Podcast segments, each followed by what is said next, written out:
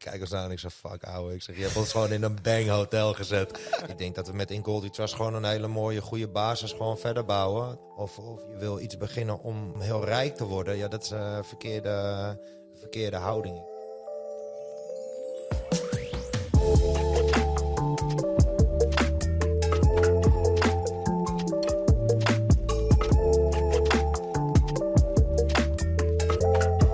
Bij Puur de Podcast, alweer de vierde aflevering. En eh, vandaag hebben we een eh, andere gast. De intro laat ik achterwege. Inmiddels weten de mensen wel wat wij doen. En eh, ja, wat voor gesprekken we hebben. Vandaag hebben we een gast die ja, in het ondernemen onder andere ja, wel zijn zegje kan doen. Ehm, van In Gold We Trust, Victor Frenzel. Frenzel moet ik zeggen. Frenzel, ja. De puntjes op de A. Precies, dat klinkt, klinkt net iets chiquer. Ja. En uh, met Delano gaan wij, uh, ja, gaan wij vandaag met jou de diepte in en pure gesprekken bij Pure Podcast, hè, waar we voor staan, gaan wij hebben en uh, de diepte in. En het ja, lijkt mij sowieso een hele interessante, of ja, je lijkt me een hele interessante gast om even een keer de diepte mee in te gaan, vragen te stellen en ja, te gaan ontdekken wie jij bent samen met de luisteraars, de kijkers en ja, iedereen die het interessant vindt, die wel een keer misschien een hoodie of een t-shirtje of een jas van jullie hebben gehad. Ik hoop het wel. Ik, ik, denk, ik denk het wel. Hè. Als je deze podcast kijkt, dan uh, spreekt dat je waarschijnlijk sowieso wel aan. Maar er zit natuurlijk wel meer, uh, meer achter dan, uh, dan alleen een persoon die bezig is met een gigantisch groot kledingmerk. Wat wereldwijd verkocht en gedragen wordt. tot aan Chris Brown toe. Maar Victor Frenzel is natuurlijk wel meer dan ja, alleen iemand die een mooi kledingmerk verkoopt. Misschien kun je wat meer vertellen over wie jij bent. Nou ja, ik ben dan Victor Fransel. Frensel. Uh, ja, ooit zijn, uh, tenminste, ik ben samen met mijn broertje, ben ik, uh, ben ik eigenlijk ooit gaan joinen in iets wat hij al was begonnen. we hebben altijd wel een liefde voor kleding gehad en hij eigenlijk helemaal. Hij draagt altijd net even iets anders op school, waardoor dat een trend werd. En hij is daarin, daarin ging hij ook naar alle sporten die we deden. Ik ging altijd een sport doen omdat ik een sport leuk vond.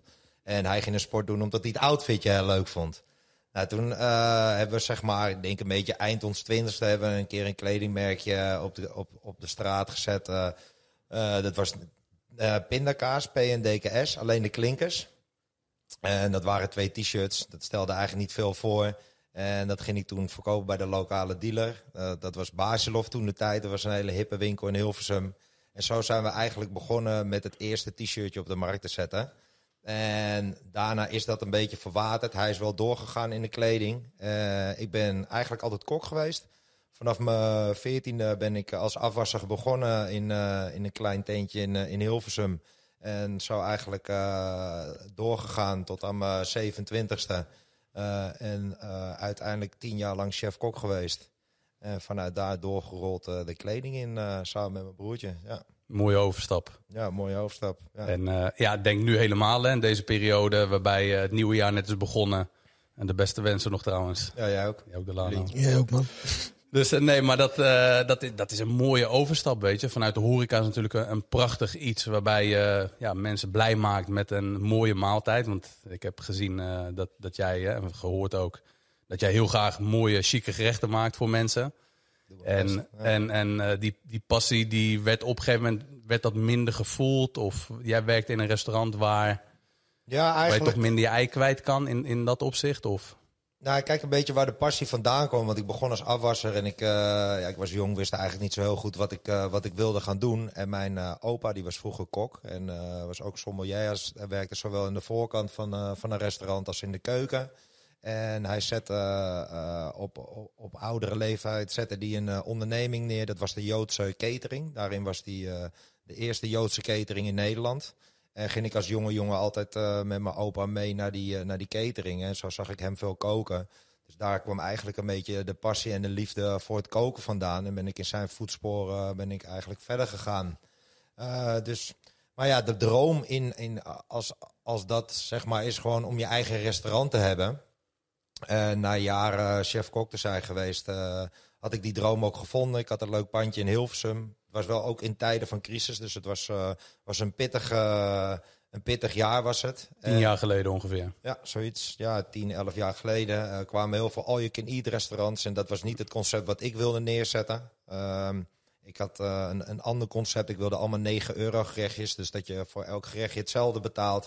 En je zelf kan bepalen hoeveel gangen je eet. Mooie wijnen erbij. Mhm. Maar ja, het kwam niet helemaal van de grond. En waardoor ik eigenlijk dus weer uh, ja, na een jaar uh, mijn restaurant hebben gedraaid.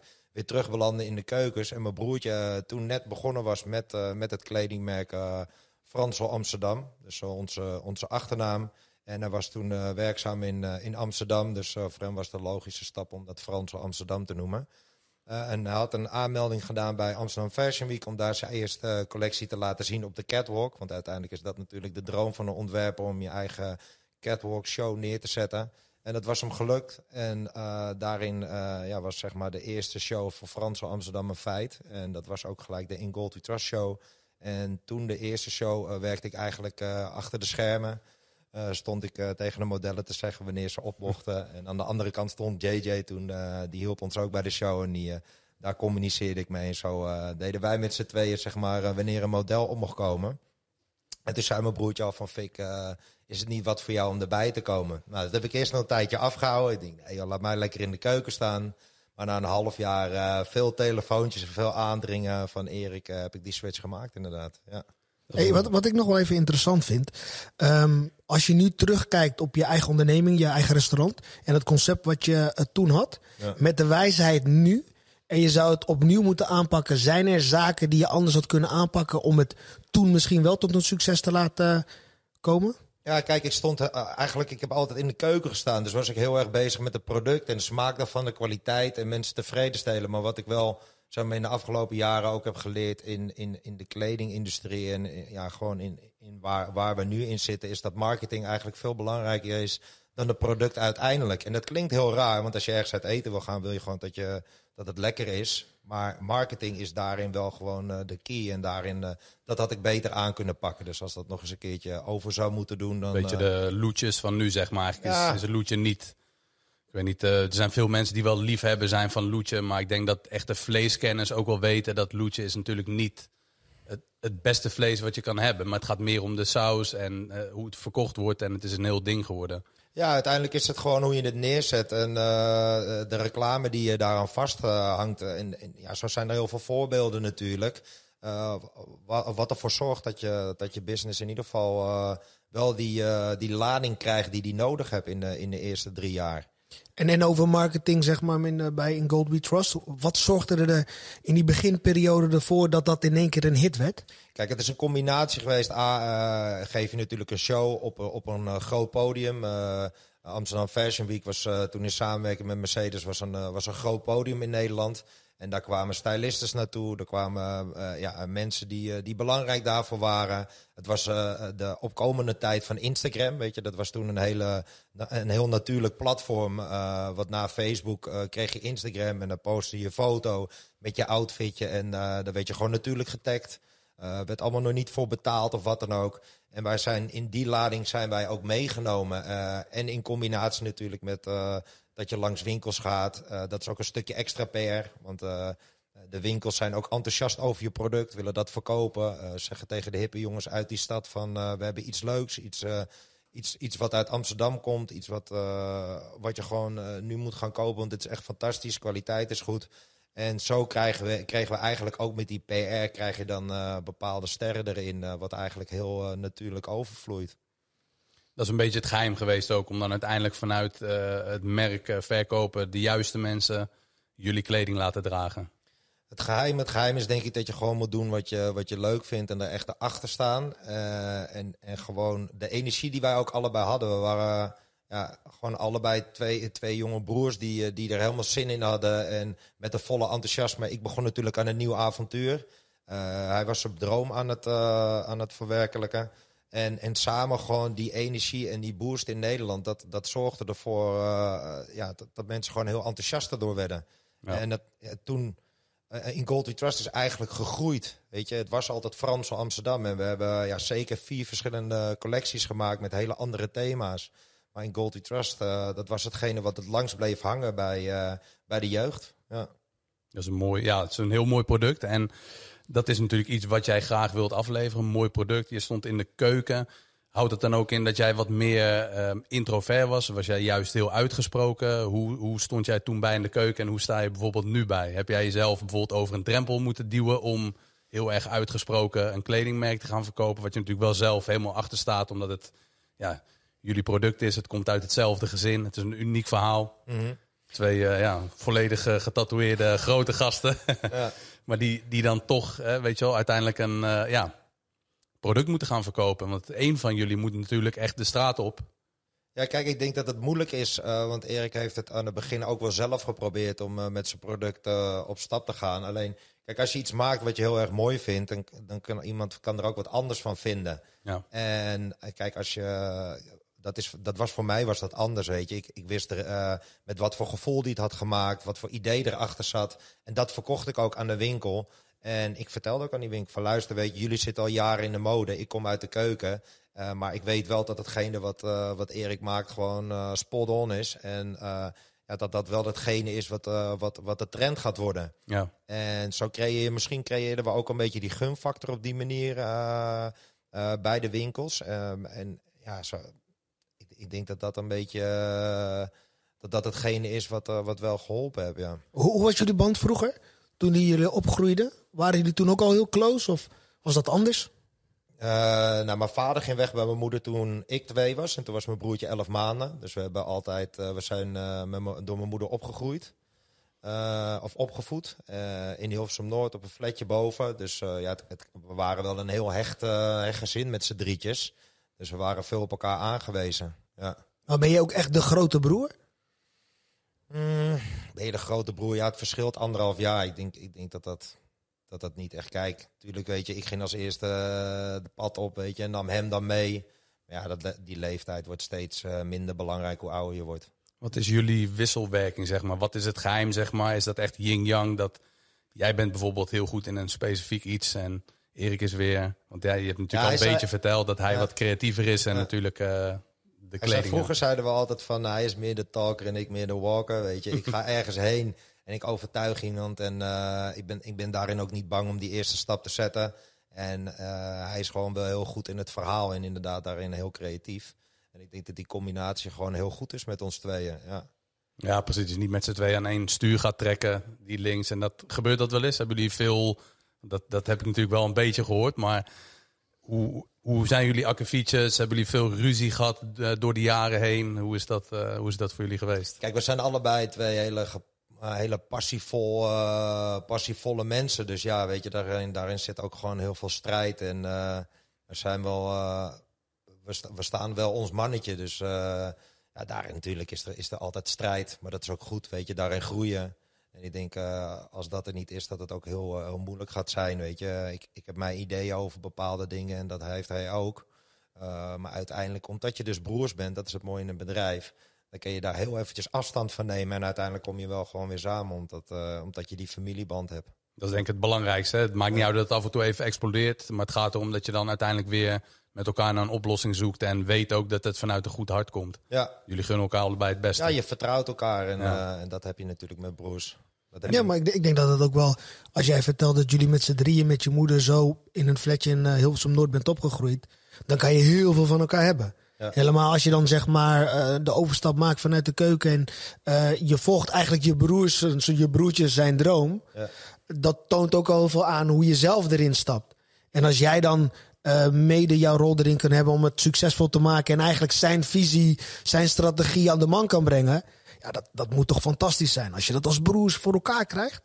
Toch? Dat is een eh, heel mooi eh, verhaal. Ja, sowieso een mooi en uniek verhaal. Ik denk dat dat, ja, vooral ook vanuit die situatie, dat als je al met z'n drie als het ware wat hebt meegemaakt, ja, dan, dan maakt dat die band natuurlijk wel een stuk sterker. Ik denk dat dat heel belangrijk is, dat, dat iedereen, jij hebt dat, ik heb dat zelf ook, dat je als gezin dingen meemaakt, dat dat die band die dan nog overblijft, hè, van de mensen die daar dan nog zijn, dat dat, dat toch wel een, heel erg versterkt wordt. Ja, je blijft er altijd aan terugdenken, weet je. Ja, Eh, ja. eh, dat je altijd met z'n tweeën was, zeg maar. Twee broertjes die, eh, die elkaar versterkten. En ja, dat je nu dan heel veel mensen in, in de spullen ziet lopen... waar je met veel passie die je maakt. Ja, dat, dat, dat, geeft, dat geeft een heel goed gevoel, zeker ja. Zijn er dingen waar jullie tegenaan zijn gelopen? Uh, dus niet in de frictie naar elkaar, maar nou, weet je, je, je hebt wel een bepaalde visie, maar dat iets zo uitmondt tot een bepaald succes, moet je ook weer dingen bijstellen, weer nieuwe doelen stellen. Hoe gaan jullie daar samen mee om of hoe ga jij daarmee om? Kijk, uiteindelijk uh, zijn we niet meer met z'n tweeën. Het bedrijf is natuurlijk gegroeid, dus er zijn meerdere mensen in dienst. En uh, er zijn ook vrienden in dienst zijn er gekomen, dus dat is alleen maar leuk. En af en toe gewoon even bij elkaar komen of uh, iemand van buitenaf vragen om er even bij te komen om, om het eens vanaf de buitenkant te bekijken. Daardoor maken we elke keer weer stappen met het bedrijf om door te groeien. En ja, dat doe je niet met z'n tweeën, dat doe je, dat doe je altijd met meerdere ogen. Ja. Het is ook wel een stukje waar ik nog op in wil haken. Je zegt het fletje vanuit, vanuit Hilversum. Uh, houdt dat in dat jullie het niet zo breed hadden? Nu is de situatie natuurlijk anders. Wat je zegt, iedereen loopt bijna wel, of tenminste, iedereen heeft wel een kledingstuk van jullie. Hè, de situatie is nu anders, maar hoe, is dat voor, hoe zijn jullie toen begonnen? Vanuit welke positie zijn jullie begonnen als ondernemer? Of in ieder geval je, volwassen leven, zeg maar. Ja, natuurlijk, weet je. We hebben, het, we hebben het niet heel breed gehad vroeger. Maar mijn moeder deed wel altijd haar best zeg maar, om het ons zo goed mogelijk te maken. En daarom, we, we zijn gewoon opgegroeid zeg maar, om, om gewoon met, met zo min mogelijk het mooiste ervan te maken. En ik denk dat dat ook wel uh, je kracht geeft zeg maar, in het doorontwikkelen. En niet denken van, uh, weet je wel, ik, ik heb nu mijn eerste, eerste x-bedrag gemaakt. Weet je, ik vind het wel prima of ik ga naast mijn schoenen lopen dat is wel iets wat, wat we proberen niet te doen. En gewoon elke keer door te ontwikkelen. En, en gewoon kijken waar het bedrijf om draait, weet je. En, ja. en niet zozeer de mooie spullen of wat, wat dan ook. Tuurlijk is het leuk. En weet je, jezelf af en toe verwennen is heel erg belangrijk. want ja, dat, dat, dat geeft je ook wel weer een beetje die extra energie om, het, om weer verder te groeien. Maar gewoon meer bezig te zijn wat, wat, waar het eigenlijk mee begon, dat is veel leuker. Ja. En hoe is die stap uiteindelijk gegaan, zeg maar? Hoe hebben jullie het voor elkaar gekregen om van, ja, weet je wel, jongens die een beetje brutaal waren, Hilversum, Amsterdam, dat is waar jullie vooral echt begonnen waren, een naam zijn gaan maken vanuit Frenzel Amsterdam. Um, die stap hebben gemaakt, dat vind ik een hele interessante vaak ook. Hoe je in één keer een succesvol bedrijf wordt. Kun je ons meenemen in dat stukje ook? Je gaf het al aan, de, de Amsterdam Fashion Week, maar op een gegeven moment is In Gold We Trust geboren. Ja. Um, hoe is het toen verder gegaan? Hoe heb je uiteindelijk bijvoorbeeld investeerders uh, bij elkaar ge ge gevonden? Heb je zelf een bedrag? Weet je wat?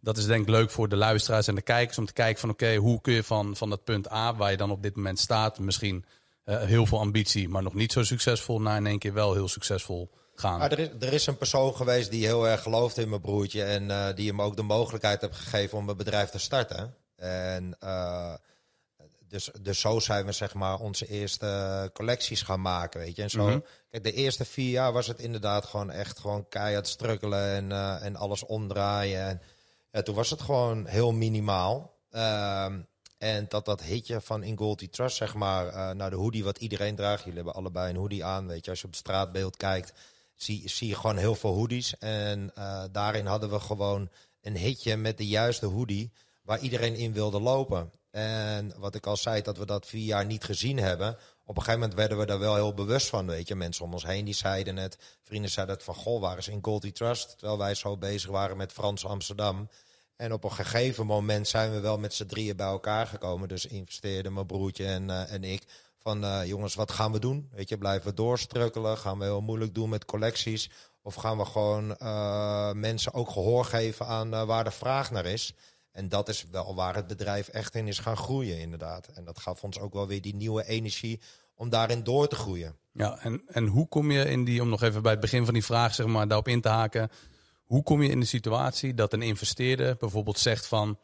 Ja, ik zie het wel in jou zitten. Hoe, hoe, zet, hoe zette jouw broertje zichzelf neer? Was, dat, was hij heel erg bezig? Was hij gewoon zichzelf? Of wat geeft iemand dan het, het goede gevoel een investeren om te zeggen van... Hé, hey, in jou ga ik investeren. En dat is voor de luisteraars denk ik ook wel leuk of interessant om te weten. Ze willen met een uh, bedrijf starten.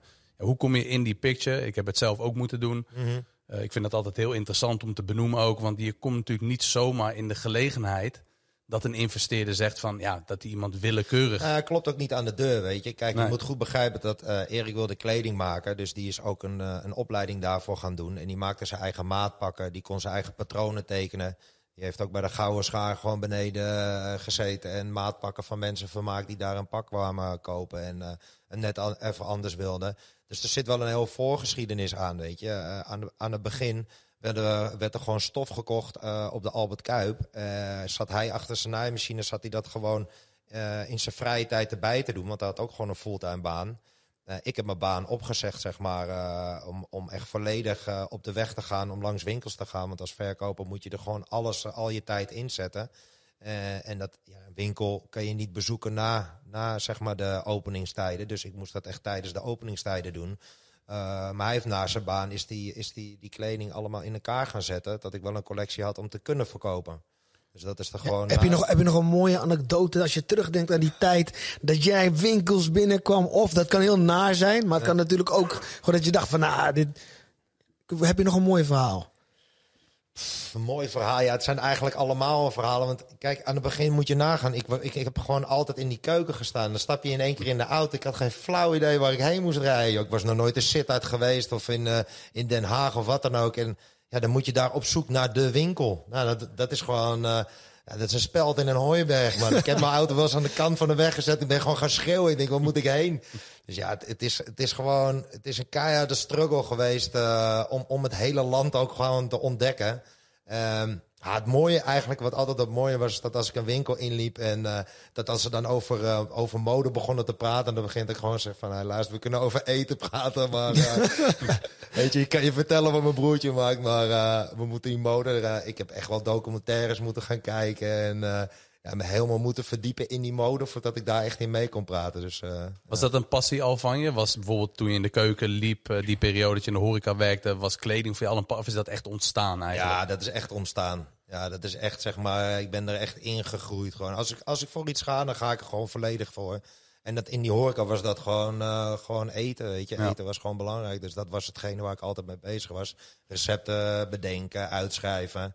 Ja, en toen kwam even die, die omzwaai. Dus, ja. uh, maar ik, ik denk dat het wel, dat dat, de struggle zeg maar, weet je. En, en, en de basis, de basis is dat zijn broertje wel gewoon... en hij kan patronen tekenen en hij heeft, het, hij heeft bij de gouden schaar maat pakken... en hij staat aan de kant van de weg en schreeuwt daar. En kijk, en dat is denk ik het belangrijkste wat mensen moeten weten.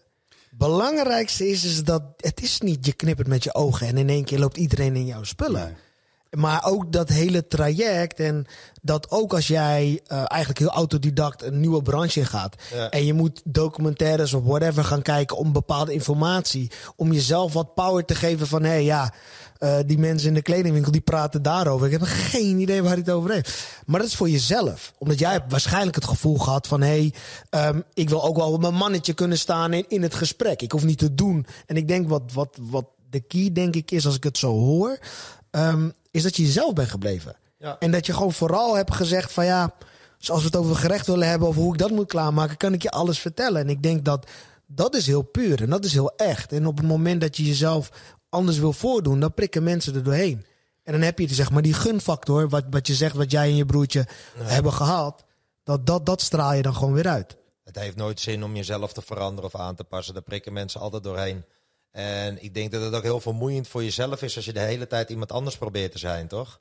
Ja, dat, lijkt, ik, dat lijkt mij zo vermoeiend. maar is dat, is dat, dan ook iets, want dan, dat is wel mooi eigenlijk, hè? Want dat, dat stukje ook, kijk, je bent iets gaan doen, dat is jouw broertjes droom. Ja. Maar als ik dan zie ook, je, je loopt er altijd hè, gelikt bij, je, bent, uh, weet je, wel, je loopt altijd in, in goede stijlen en je hebt je eigen stijl ook echt. Je, je, zit helemaal onder de tattoos. Dat is ook echt iets eigens. Dat is belangrijk voor je. Hè? Dus artistiek, kunst, dat vind je mooi. Uh, maar is dan iets, uh, heb je dan iets ontdekt in jezelf wat eigenlijk stiekem ook gewoon een, een passie van je was, uh, was waarvan je eigenlijk niet wist dat dat misschien wel ook jouw droom is? Ja, zeker. Ja. Ik, denk, ik denk dat je je hele leven jezelf ontdekt en er weer achterkomt dat je veel meer in jezelf hebt dan dat je eruit haalt. Ja, dat, dat is 100% waar en dat, dat heb ik gewoon gezien. En kijk, ik vind het gewoon heel erg fascinerend hoe mensen heel passievol iets kunnen maken. En dat, dat is met, uh, met de sporter is dat natuurlijk dat hij zo gepassioneerd uh, zijn sport doet en uh, bepaalde dingen even anders doet dan een andere sporter doet. En dat, dat is met een kunstenaar of een, een, een tattoo-artiest of een kledingontwerper is dat allemaal precies hetzelfde. Weet je. je luistert ook naar bepaalde muziek omdat je denkt, wow, deze gozer kan echt goed zingen of vet rappen of zoiets. Ja, toch? Ja ik heb een hele tijd, of tenminste dat doe ik af en toe nog steeds. Ik ga vaak, uh, als ik naar mijn tattoo-artiest ga, dan ga ik daar gewoon heen. En dan zeg ik, uh, nou, waar heb je zin in vandaag? In plaats van andersom. Ja, in plaats van andersom. Tuurlijk zijn er wel tattoos waar ik, uh, waar ik, die ik zelf echt wilde. Weet je, die heb ik zelf uitgekozen. Mm -hmm. Ik zeg van, ja, dit wil ik vandaag laten zetten. Maar over het, ik denk dat 80% van mijn lichaam gewoon vol staat met de tattoos die die artiest wilde zetten. Ja. Dan krijg je namelijk ook, ja, je hebt er dan meer zin in, toch? Weet je, Ja, als, ja. Als ik ergens nog ga koken, ik kook natuurlijk nog steeds wel. eh, dan kook ik gewoon waar ik zin in heb om te koken. En dan wordt het ook veel lekkerder dan dat je wordt opgedragen van kun je dit of dat Ja. doen. ja, daar wordt het eindproduct uiteindelijk mooi van. Ja, En jij, dat heb ik eerder gezien en gehoord. Jij hebt geen spijt van, van enkele tattoos die je hebt, hè, als ik het goed heb begrepen. ik denk dat spijt, dus moet je sowieso niet zetten, toch? Je hebt niet, eh, je hebt niet gauw spijt van dingen. Nee, ik denk het- nee. Weet je, het zijn allemaal fasen in je leven Ja, waar je ja, toen 100% achter stond. Dus Ja, eh, dat is mooi. ja. Iemand die nog niet getatoeëerd is en nu overweegt om tattoos te nemen, heb je nog goede tips? In, Ja, plaats, van het, niet doen. in plaats van het ondernemen en sporten kun je ook wel heel veel tips over tatoeëren geven. Maar misschien is dat wel leuk. Ik denk dat ook wel jongere luisteraars zijn of mensen die, die luisteren of kijken en die zeggen van wow, eh, wat een uh, tattoo is. Maar heb je nog iets dat je zegt van nou goed, dat, dat zou ik niet doen? Of, Ik zou het überhaupt niet doen. nee? Weet je, blijf gewoon lekker jezelf. Ik, eh, Ja. Ja, maar niet voor jou. Maar als zij zelf zoiets hebben van nou ik overweeg een tattoo, ik wil dat sowieso gaan doen. dat moet je niet doen. Nee, hij, heeft nu al drie, hij heeft al drie keer gezegd niet ja, doen. hè? niet doen, niet doen. Nee, joh, weet je, blijf gewoon lekker uniek. eh. toen wij jong waren, toen tekenden we elkaar al helemaal on. En eh, dit, is, dit is iets waar ik... Toen ik negen was, toen wi- wilde ik al tattoos zetten. Toen kon dat nog niet. Ja. En toen ik veertien was, toen werd de eerste tattoo erop geknald. Wat was dat? Wat voor tattoo? Eh, samen met mijn broertje hebben we toen eh, in het Chinees... hebben we hier Broers voor het Leven laten zetten, allebei. En, eh, Maar hij was dan nog jonger. hij was nog jonger. ja.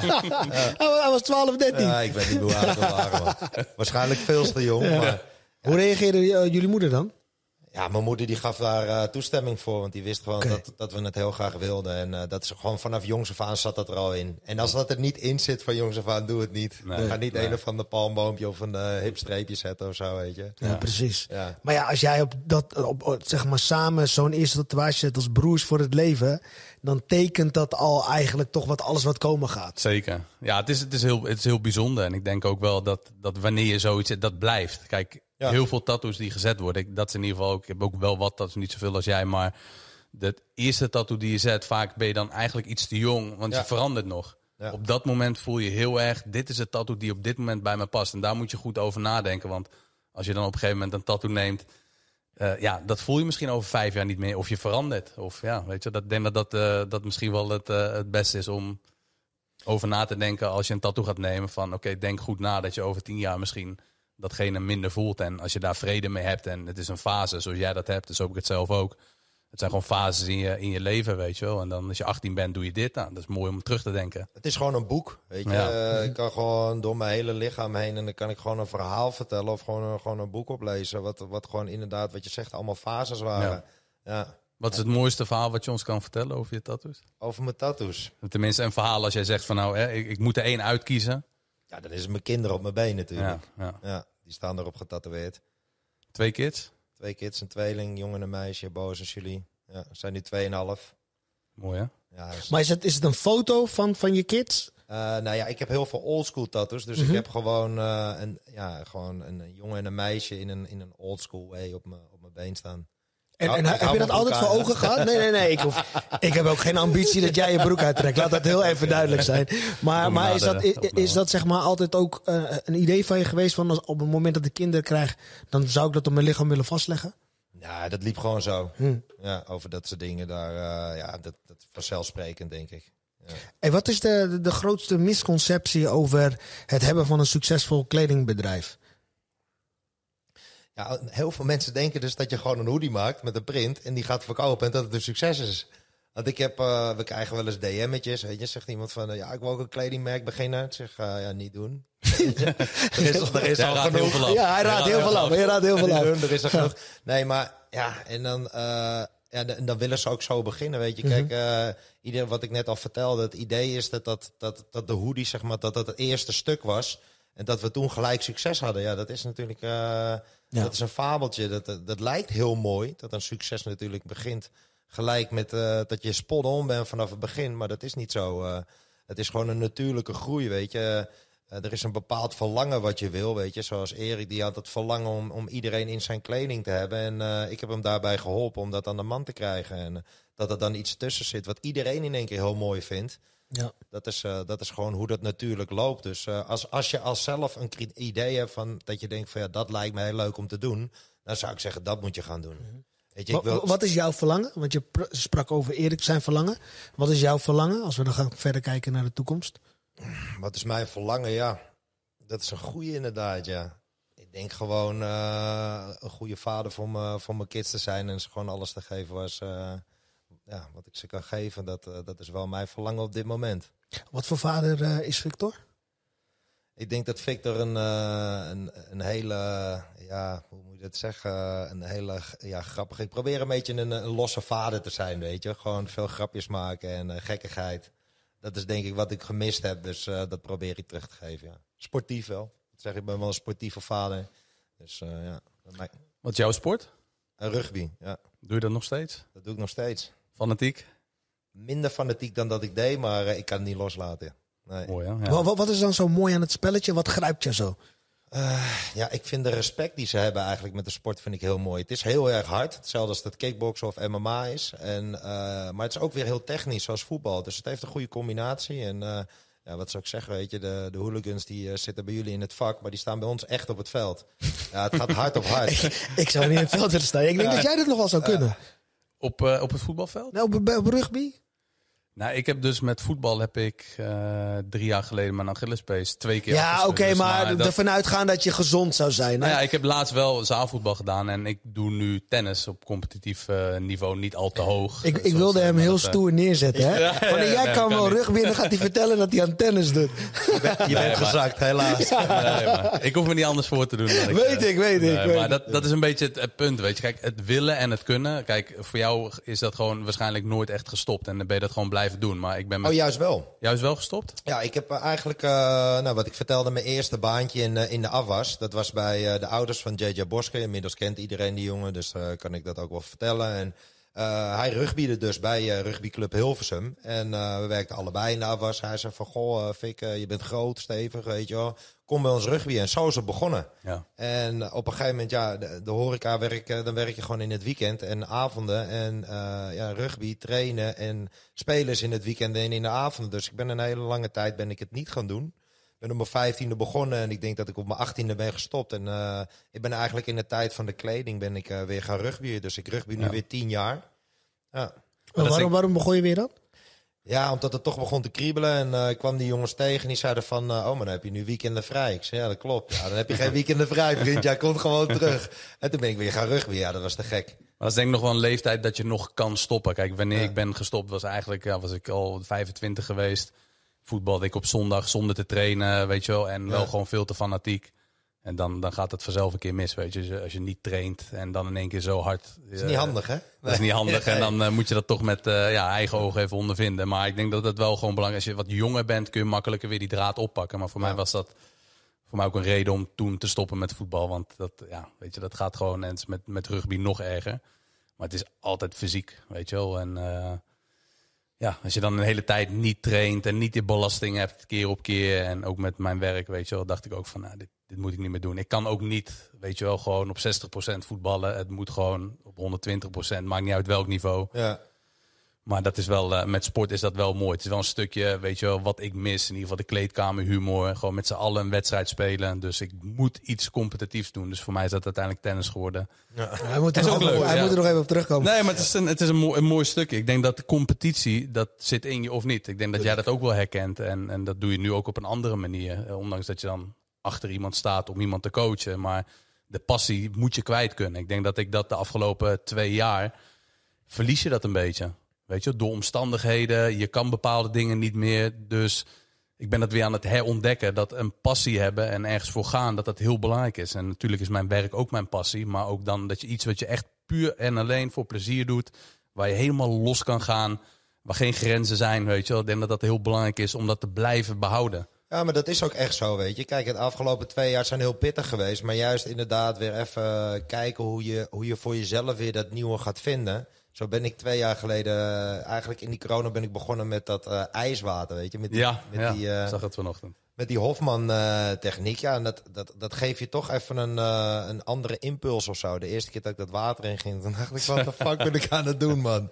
Ijskoud, maar dan even door die stress heen zitten en, ja. en gaan zitten, dan realiseer je eigenlijk hoeveel je ja, op een andere manier, zeg maar, gefocust bent. En je grenzen ook weer aan het verleggen bent, weet je. Je moet er even doorheen en even echt... Uh, nou, ja, in, in, jezelf denken van, uh, kom op man, je kan het wel. En, maar, maar doe je dan in het ijswater, zwem je een stukje of ga je gewoon alleen erin? Hoe moet ik dat uh, voor me zien? Nou, de eerste keer ga je erin en dan ga je heel eventjes zitten op je knieën en dan... Uh, nou, je er wel weer uit. Dan denk je, hey, de groete, warme kop koffie. En ik maar kan, kan je nog herinneren wat het met je deed? Die, die extreme kou? Ja, het gaf me stress. Het gaf me heel veel stress. En ik had toen ook heel veel stress. Want ik denk dat wel meerdere mensen stress hebben, zeg maar, in, in die coronatijd. Dus uh, ik had er ook wel moeite om daarmee om te gaan. En ik, ik kon even ook niet mijn draai vinden van hoe ga ik hier nou mee om? En uh, ja, het, het, was voor mij ook wel even een, een bepaald depressiemomentje, weet je. Dat ik dacht van shit, weet je, waar zitten we nu in? Waar zit ik nu in? Mm -hmm. En toen ik dat ging doen, toen gaf het mij eigenlijk weer die stress. En ik ben daar toen doorheen gaan zitten en dat geeft, heeft mij eigenlijk heel veel teruggegeven. Want toen dacht ik van ja, als, je, als je dus je grenzen weer kan verleggen en die stress op een andere manier mee om leert te gaan. En dat is eigenlijk precies hetzelfde wat je in het dagelijkse leven gewoon even op een andere manier omgaan met die stress. Uh. Maar ging je dan bijvoorbeeld met je ademhaling? Of omdat op het moment dat die kou jou stress geeft, alleen je moet er dan wennen of je moet er doorheen. Zeg je dan iets tegen jezelf? Ik Hoe is dat proces? Ik focus me gewoon, weet je. Ik ga gewoon zitten en ik, ik focus me gewoon inderdaad op mijn ademhaling en op mezelf. En kijk, als je, ik, ik ben in het, of in het open water gaan, zijn wij uh, eerst gaan zitten en later gaan zwemmen. Ik zwem nu ook lekker in, uh, in een stukje open water, heb ik vanochtend nog gedaan.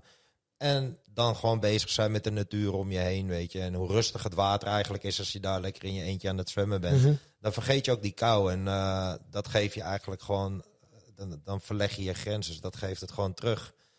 Ja. Wat is de reden dat je het bent gaan doen? Ja, wat ik zei, ik zat in een depressie en uh, ik hoorde veel mensen uh, er gewoon positief over praten. En juist ook die stress en, en uh, dat verhaal achter, achter die Wim Hof. dat hij zijn vrouw verloor, weet je. En dat hij dat water eigenlijk de verdoving gaf en uiteindelijk hem de energie weer gaf om weer verder te gaan in het leven. Toen dacht ik van ja, ik ben, ik ben wel benieuwd, weet je, of, of dat dus ook je echt kan helpen, weet je. Die stress van die kou om, uh, om dan zeg maar dingen op een andere manier te bekijken. En mij heeft dat gewoon uh, wel weer een uh, goede energie gegeven, ja. Want dat is eigenlijk het doel van, van die ijsbaden, zeg maar, is dat jij door moeilijke situaties en dan op dat moment, ja. maar natuurlijk ook in het leven, ja. door blijft ademen, wat eigenlijk zo moeilijk is. Ja. Wanneer je heel opgefokt bent of stresssituaties hebt. En je dan klapt dicht, hè? Dan, is koud en je denkt, oh. Ja, ja, en als je, als je dat dan op zulke momenten kan, dat ijswater, los van dat het natuurlijk ook gigantisch goed is voor je immuunsysteem, en daardoor wordt het ook gedaan, maar hè, dat als je leert ademen in hele moeilijke situaties, dat je dan ook, hè, wanneer, het dan, wanneer je niet in een ijsbad zit, maar thuis met de verwarming aan, heel veel stress hebt voor werk of door andere situaties, dat je dan even rustig gaat zitten, het op je af laat komen, rustig blijft ademen en, en zo leer je dus dan, als ik het goed begrijp, ook om daarmee beter om te gaan. Ja, en dat is voor iedereen kan dat wat anders zijn. Ja. En wat, wat doe je dan daarnaast, zeg maar, naast die ijsbaden, zeg maar, om uit die depressie te komen? Uh, nou ja, sowieso rugby natuurlijk, weet je, veel sporten. Uh, ja, ik, ik denk dat sport sowieso iets is wat je, wat je gewoon, een, uh, gewoon iets heel goeds geeft, weet je. Dat, dat, dat houdt me gewoon, gewoon goed op de been. Gewoon jezelf gezond houden en veel bewegen. Goed eten. Maar, maar, maar, maar, nog even zeg maar, want ja, hoe, hoe was het voor het bedrijf de afgelopen twee jaar? Hebben jullie daar als bedrijf zijnde veel last van gehad? Dus van, weet je, want ja, de winkels zijn ook dicht. Of zijn, zijn jullie je meer gaan focussen, ook marketingtechnisch op online? Um, hoe hebben jullie dat toen aangepakt? Ja, dat is een goede vraag. Uh, ja, eerst kom je natuurlijk bij elkaar, weet je, terwijl ik veel op de weg zat en die doet dit. Dus we zijn echt als een hecht groepje zijn we bij elkaar gekomen om te kijken van wat gebeurt er nou eigenlijk? En uh, uh, toen zijn we, ja, we, we, hebben eigenlijk de, de fijne kneepjes hebben we helemaal uh, kunnen samenvoegen, waardoor het bedrijf wel echt is gaan groeien, weet je. Er, er, zijn bepaalde dingen waar je eerst helemaal niet mee bezig was, omdat alles gewoon vloeide. Mm -hmm. En als je dan in één keer de tijd hebt om met elkaar daarover te praten, dan... Uh, maar wat, wat voor dingen zijn dit dan? Ja, bijvoorbeeld inderdaad wat je zegt, marketing, bepaalde overproductie. Kunnen we onze productie verschuiven door wat beter, wat meer terug te geven, weet je. Dat je dingen gaat recyclen. Uh, een mooier product maken, weet je, nog mooiere producten maken. je gaat kijken wat zijn goede partners. Weet je, misschien kan ik nog beter met deze partners gaan werken. Hoe kan ik beter met ze gaan werken? En als je dat allemaal. Uh, kijk, ik doe er natuurlijk het stukje retail. Uh, dat, dat is echt mijn onderdeel binnen een bedrijf. Als je daar in je eentje heel veel mee bezig bent, het is heel anders dan dat je de hele tijd in de groep. Uh, elke keer een maandagmeeting, maar dan gewoon uh, voor een half jaar hebt. Daar, uh, word je als bedrijf word je daar st zeker sterker van. Dus naar elkaar luisteren. En we waren heel erg op elkaar aangewezen ook, weet je winkels waren dicht, weet je. Dus uiteindelijk moet je ook gewoon samen gaan werken met de, met de winkelier, weet je. Ze een beetje tegemoet komen of vragen van waarin kunnen we jullie bijstaan. Ja, daar zijn we wel mee gegroeid. Zeker. Dus eigenlijk een enorme bewustwording en een bewustzijn van, van waar zijn we mee bezig en, en, en hoe kunnen we dus dingen aanpakken. Je hebt natuurlijk in een team waarin je elkaars uh, sterke krachten kan benutten. Nou, dan heb je natuurlijk privé ook dingen. Nou, je gaf aan, je zit dan, je zat toen de tijd met een depressie. Um, heb, vind je dan op privégebied ook steun aan elkaar? Hoe, hoe, hoe, doen jullie dat? Omdat je hebt aan de ene kant ondernemers, maar aan de andere kant is iedereen ook gewoon individu en mens. Ja, wij doen dat denk ik als bedrijf doen we dat wel. Gaan we gewoon met z'n allen lekker naar de sauna of weet ik veel, sporten of iets, iets leuks doen. Weet je, een, een, vriend van mij die, die heeft ook een, dat is een artiest, je broer, weet je, en die, die heeft ook een bedrijf met allemaal werknemers erin of artiesten erin. En we zijn ook samen dingen gaan doen. Weet je, om, om het leuk te houden. En ik denk dat dat ook wel goed is, weet je. Dat je buiten je werk ook die privé uh, gewoon, gewoon iets ontspannen doet met elkaar. Mm -hmm. ja. Dus je probeert toch uit, uit die situatie daar het beste van te maken. Want dat is natuurlijk eigenlijk waar het elke keer om draait. Ja. Uh, dat komt heel vaak terug. Moeilijke situatie. Het gaat dan om de mindset die je hebt. En je kan best wel af en toe even gewoon bij de pakken neerzitten. Zitten, maar uiteindelijk is het belangrijk dat je dus bij elkaar een beetje steun zoekt. En dus met die positieve mindset probeert om daar het beste van te maken. Ja, en je weet gewoon hetgene wat in je hoofd zit, dat, uh, dat blijft altijd hetzelfde. Hè? Weet je, je, je hebt een bepaald streven en je weet dat hetgene wat je doet gewoon goed is. Dus daarin kan je jezelf gewoon beter ontwikkelen. Wat is, wat is voor jou een, een echt succes? En dat is misschien wel de afgelopen jaren veranderd. Hè? Je hebt volgens mij wel een, een transitie doorgemaakt zelf op persoonlijk gebied. Maar wat, wat zou voor jou een echt succes zijn? Uh, ja, een echt succes is uh, dat, dat we hier gewoon van kunnen leven, weet je. Dat mijn kinderen hier gewoon uh, ja, van eten. het gezin van mijn broertje, weet je. Dat we vrienden in dienst hebben die, die hier gewoon van kunnen eten. Ik denk dat dat wel een succes is uiteindelijk. Een grote en, familie waar iedereen van kan eten. Ja, en dat, dat je mensen ook blij maken, weet je. Uiteindelijk maken we gewoon een, een mooi product. En de mensen die er kopen zijn er ook heel blij mee. Dus dat is ook een succes. Het geeft je een goed gevoel. Dus, uh, ja. En waar ben je het meest blij mee van het merk, zeg maar? Als je dan iets moet benoemen waar je dan echt elke keer denkt van... Oh, die ben ik zo blij mee, dit is echt helemaal top. Wat, een product? Een product of iets anders. Of... Ja, dat is dus heel gek, weet je. Ik zie uh, elke keer een collectie echt gewoon een jaar van tevoren. Dus daar ben je dan weer heel blij mee. Ja. Op het moment dat het in de winkel is, ben ik eigenlijk altijd weer bezig met hetgene wat er komen gaat. En uh, ik ben met elk product wat er, wat er komt bijna altijd wel blij. Want dat is weer zo mooi en bijzonder en ik krijg er heel veel energie van om dat weer met de volle enthousiasme te gaan verkopen. Dus ja, het is elke keer wat nieuws eigenlijk. En wat draag je zelf het liefst? Uh, ik vind jassen, verschillende jassen vind ik echt... Uh, dat is jouw ding? Ja, dat vind ik wel echt fantastisch, ja. Dat is wel mooi. Ja. En worden jullie op straat ook, was jullie zijn wel echt excentrieke personen, zeg maar, grote gasten getatoeëerd. Worden jullie veel herkend op straat? Nee, maar niet wil ik ook niet. het lijkt me helemaal niet leuk, man, toch? Na, na vandaag wel, na deze podcast. ja, precies, precies. We zullen zien. Nee, maar goed, daar sta je zelf ook niet voor. Jullie lijken, weet je wel, of misschien voor veel mensen ook. Jullie hebben een bepaald beeld. Als je jou ziet of jouw broertje ziet, um, dan vorm je automatisch een beeld zonder dat je iemand kent. Dat gebeurt gewoon. Maar ja, hoe, hoe staat dat ten opzichte van de realiteit? Wie ben jij echt ten opzichte van wat mensen vaak zien? Kijk, het is niet de bedoeling in het bedrijf geweest dat wij zelf, uit, uh, wij zelf vergroot werden. Weet je. Het gaat om hetgene wat we maken, maken met heel veel passie. En uh, willen dat mensen daar heel blij van worden. En een steeds mooier en beter producten gaan maken. En daar draait het ook om bij in Gold We Trust. Um, ja, wat ik al zei, weet je, ik vind in mijn privéleven vind ik het gewoon belangrijk om, uh, om, om gewoon le leuke dingen met mijn kinderen te doen. Sporten vind ik heel belangrijk, dus dat staat daar gewoon los van. Maar uh, het merk is gewoon, het draait om het merk. En het draait niet om, uh, om de personen die erachter zitten, zeg maar. Nee, precies. Jullie zijn ook ten opzichte van andere bedrijven niet van het smijten met geld, of in ieder geval het laten zien van hè, de auto's of, of heel veel. Uh, dat het om randzaken eigenlijk draait en niet om het product zelf. Wat, wat je heel veel ziet nu in deze tijd op social media. Uh, dat je dat veel voorbij ziet komen. Dikke auto's, dikke klokken, dikke huizen. Eigenlijk alles wat, wat niet met het product zelf te maken heeft. Ja, ik keur het niet af. Het is een strategie. Weet het is een manier, ene- zeker. Ja. De ene kiest er daarvoor om zijn marketing op die eh, manier in te richten. Wij hebben er echt voor gekozen om het product uit te verlichten. Weet je, waarom het product zo goed is. Eh, eh, bepaalde jassen zijn bij ons eh, volledig waterdicht en winddicht. Weet je, dus het is echt een mooi product. Nou, sommige artikelen recyclen we.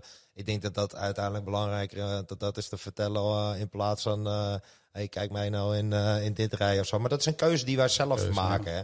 En het is niet zo dat we niet van mooie spullen houden hoor. Zeker nee. wel. Maar voor het merk is het niet, eh, voor ons niet belangrijk om dat uit te lichten, zeg maar. Meer bescheidenheid, vanuit de bescheidenheid. En, en de, Ja, ja, weet het niet, ja. ja, dat kan. Maar denk je dat je daardoor ook bijvoorbeeld veel omzet misloopt? Als jullie veel meer daarop zouden focussen, want bij het merk zou het in principe natuurlijk wel passen. Het is een, een merk voor jongeren, denk ik, tot aan jongvolwassenen. Volwassenen kunnen het nog dragen, ouderen in principe ook. Maar de mensen die het op social media zien bij bekende artiesten, eh, voetballers, zelfs Chris Brown, eh, dan, dan willen ze het ook kopen natuurlijk. Maar zou, denk je dat daar dan, zeg maar, ondanks dat jullie daar hè, een andere strategie hebben gekozen, bijvoorbeeld nog wat winst mislopen of wat kansen? Kijk, het is natuurlijk altijd eh, te gek als, als, eh, als er een, superster of überhaupt een ster of wat dan ook in je kleding loopt. Maar ik denk dat dat voor sommige mensen, die, die vinden dat veel belangrijk of die vinden dat mooi om te zien. Maar uiteindelijk, wij maken toch wel echt kleding gewoon om, om een mooi product te leveren. En het is gewoon een toegevoegde waarde dat je dat krijgt. Dus het is niet iets waar we heel bewust mee bezig zijn, snap je, om dat soort mensen te kleden. Ja, ja. En soms maak je gewoon, eh, nou ja, weet je, Erik die is wel eens echt, eh, toen, we in Fransel Amsterdam tijd, is hij de straat op gegaan om echt een streetwear collectie te maken.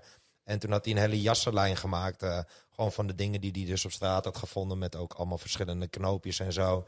Ja, en dat je daar dan toevallig een, eh, een, een Andersen Paak bijvoorbeeld in krijgt op het, op het podium. Dat is gewoon mooi meegenomen, dat is vet. Maar dat is ook zo'n ja. ja. zo'n eh, zo'n item wat er dan helemaal Anderson uitspringt. Paak is wel een beest hoor. Ik heb hem toen zien optreden in Ja, vet hè? Brussel. Wat een show. Wat een beest. Ben je wel eens naar een show van hem geweest? Ik ben bij Als je- weinig shows geweest, maar dat, ja, dat is in de toekomst wel, als het weer kan, eh, zeker Maar, kijk, maar wat ik daar tof van vind, als je het hebt over een artiest als Anderson Paak, die zo authentiek is.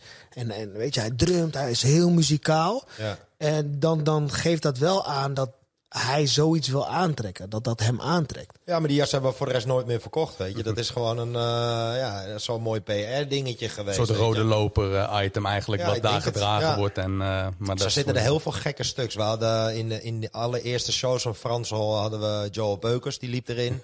en toen hadden we een keer een privacy eh, show. En eh, daarin had hij een, heel, een hele doorzichtige jas aan. eh, met, eh, met groene touwtjes, met slotjes erin. Omdat het ja, om privacy draaide. Ja, dat item, dat, eh, dat, dat is natuurlijk ook. Dat is mooi dat je, dat je Joel Beukers daarin hebt gehad, natuurlijk. eh, in die show. In een doorschijnende jas.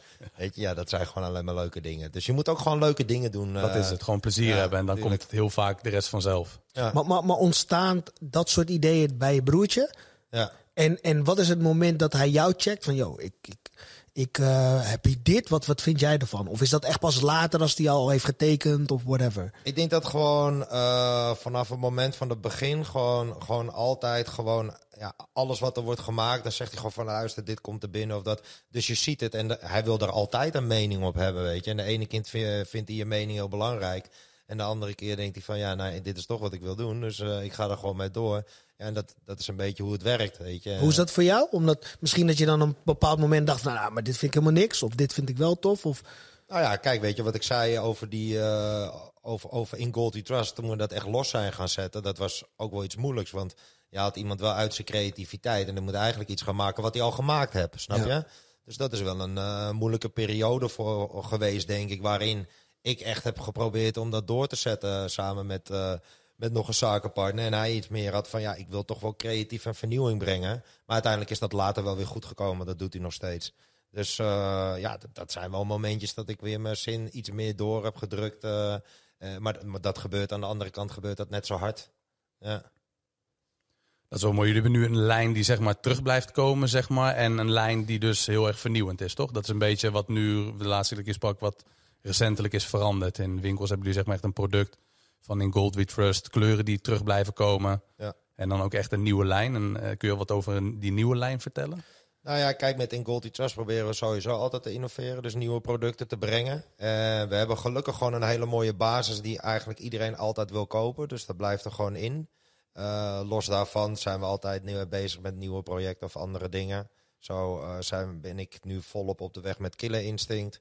Dat, is een, dat lanceren we nu opnieuw, waar we veel samenwerkingen mee, mee aangaan. We hebben toevallig laatste samenwerking met, met je broeders gehad. Met een met een heel leuk t-shirt, een COVID t-shirt. Dat was uh, hot topic natuurlijk. Dus ja, zo, dat is zeg maar een nieuw project waar we, waar we nu mee bezig zijn. En dat geeft...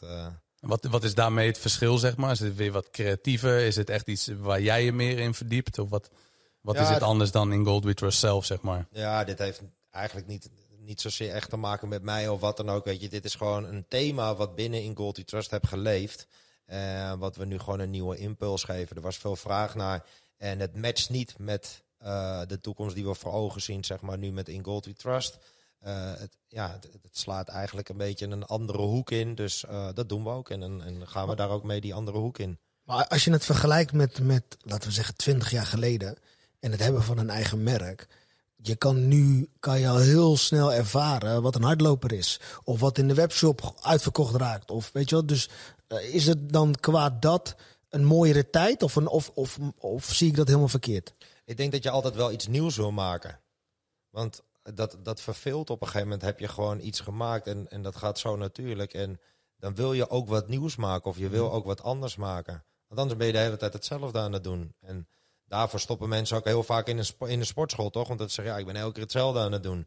Dus je moet wel proberen je elke keer uh, jezelf een beetje te blijven kietelen. Ja, maar ik bedoel van, kijk, als jullie een, een, een thema hebben of een, een, een bepaald uh, artikel maken, waar je dan nog in productie nog niet heel veel van hoeft te maken. Ja. Maar als je merkt dat die al binnen nood is uitverkocht, dan zegt iedereen toch tegen elkaar aan de tafel, nou, dit moeten we even of, of werkt dat niet zo? Of niet. Ja, of niet. Of, of, hij wordt helemaal niet verkocht. Waarvan jij dacht van, nou, dit wordt echt een, uh, ja, het een knalletje. Is, het leuke is dat ze moeten gaan zoeken, toch? Of... Uh, ja, niet, als, als je dan iets koopt waar, waar maar een oplage van 100 van zijn en er komt uh, dan weer een oplage van 100 en dan weer een oplage, dan maakt het ook niet meer speciaal. Nee, precies. Dus, ja. Dus als iets uitverkocht is, dan raak je daar niet per se dat je denkt, oh shit, hier moeten er nog drie, dan is het ook gewoon prima. De ene keer wel, de andere keer niet. Ja, precies. Weet je, we hebben, uh, denk, ja, anderhalf jaar geleden een, een jas uh, op de markt gebracht. En dat, dat was gewoon gelijk een, een killer. En die blijft gewoon in, die wordt in de collectie opgenomen, omdat het gewoon een goede jas is. Maar bijvoorbeeld een samenwerking of een hele gekke hoodie, weet je wel. Uh, ja, dat kan er eentje zijn geweest. Ja, dat is wel mooi. En daarvoor moet je ook gewoon ja. naar die winkel rennen om die ene hoodie te halen, toch? Ja. Precies, ja. precies. Ja, maar die schaarste creëren, dat is ook iets wat je dan misschien niet bewust doet. Maar dat werkt natuurlijk wel altijd goed. Als een product bijvoorbeeld niet meer op voorverven, hè, er staat ook op internet nog drie artikelen, dan... Ja, en het is ook belangrijk, weet je. Sommige mensen willen, willen een jas die ze bij andere mensen ook zien... of waar ze van gegarandeerd zijn dat het, dat het een goed artikel is. Maar uh, ja, ik vind het ook wel leuk om iets te kopen wat, wat juist de rest niet hebt.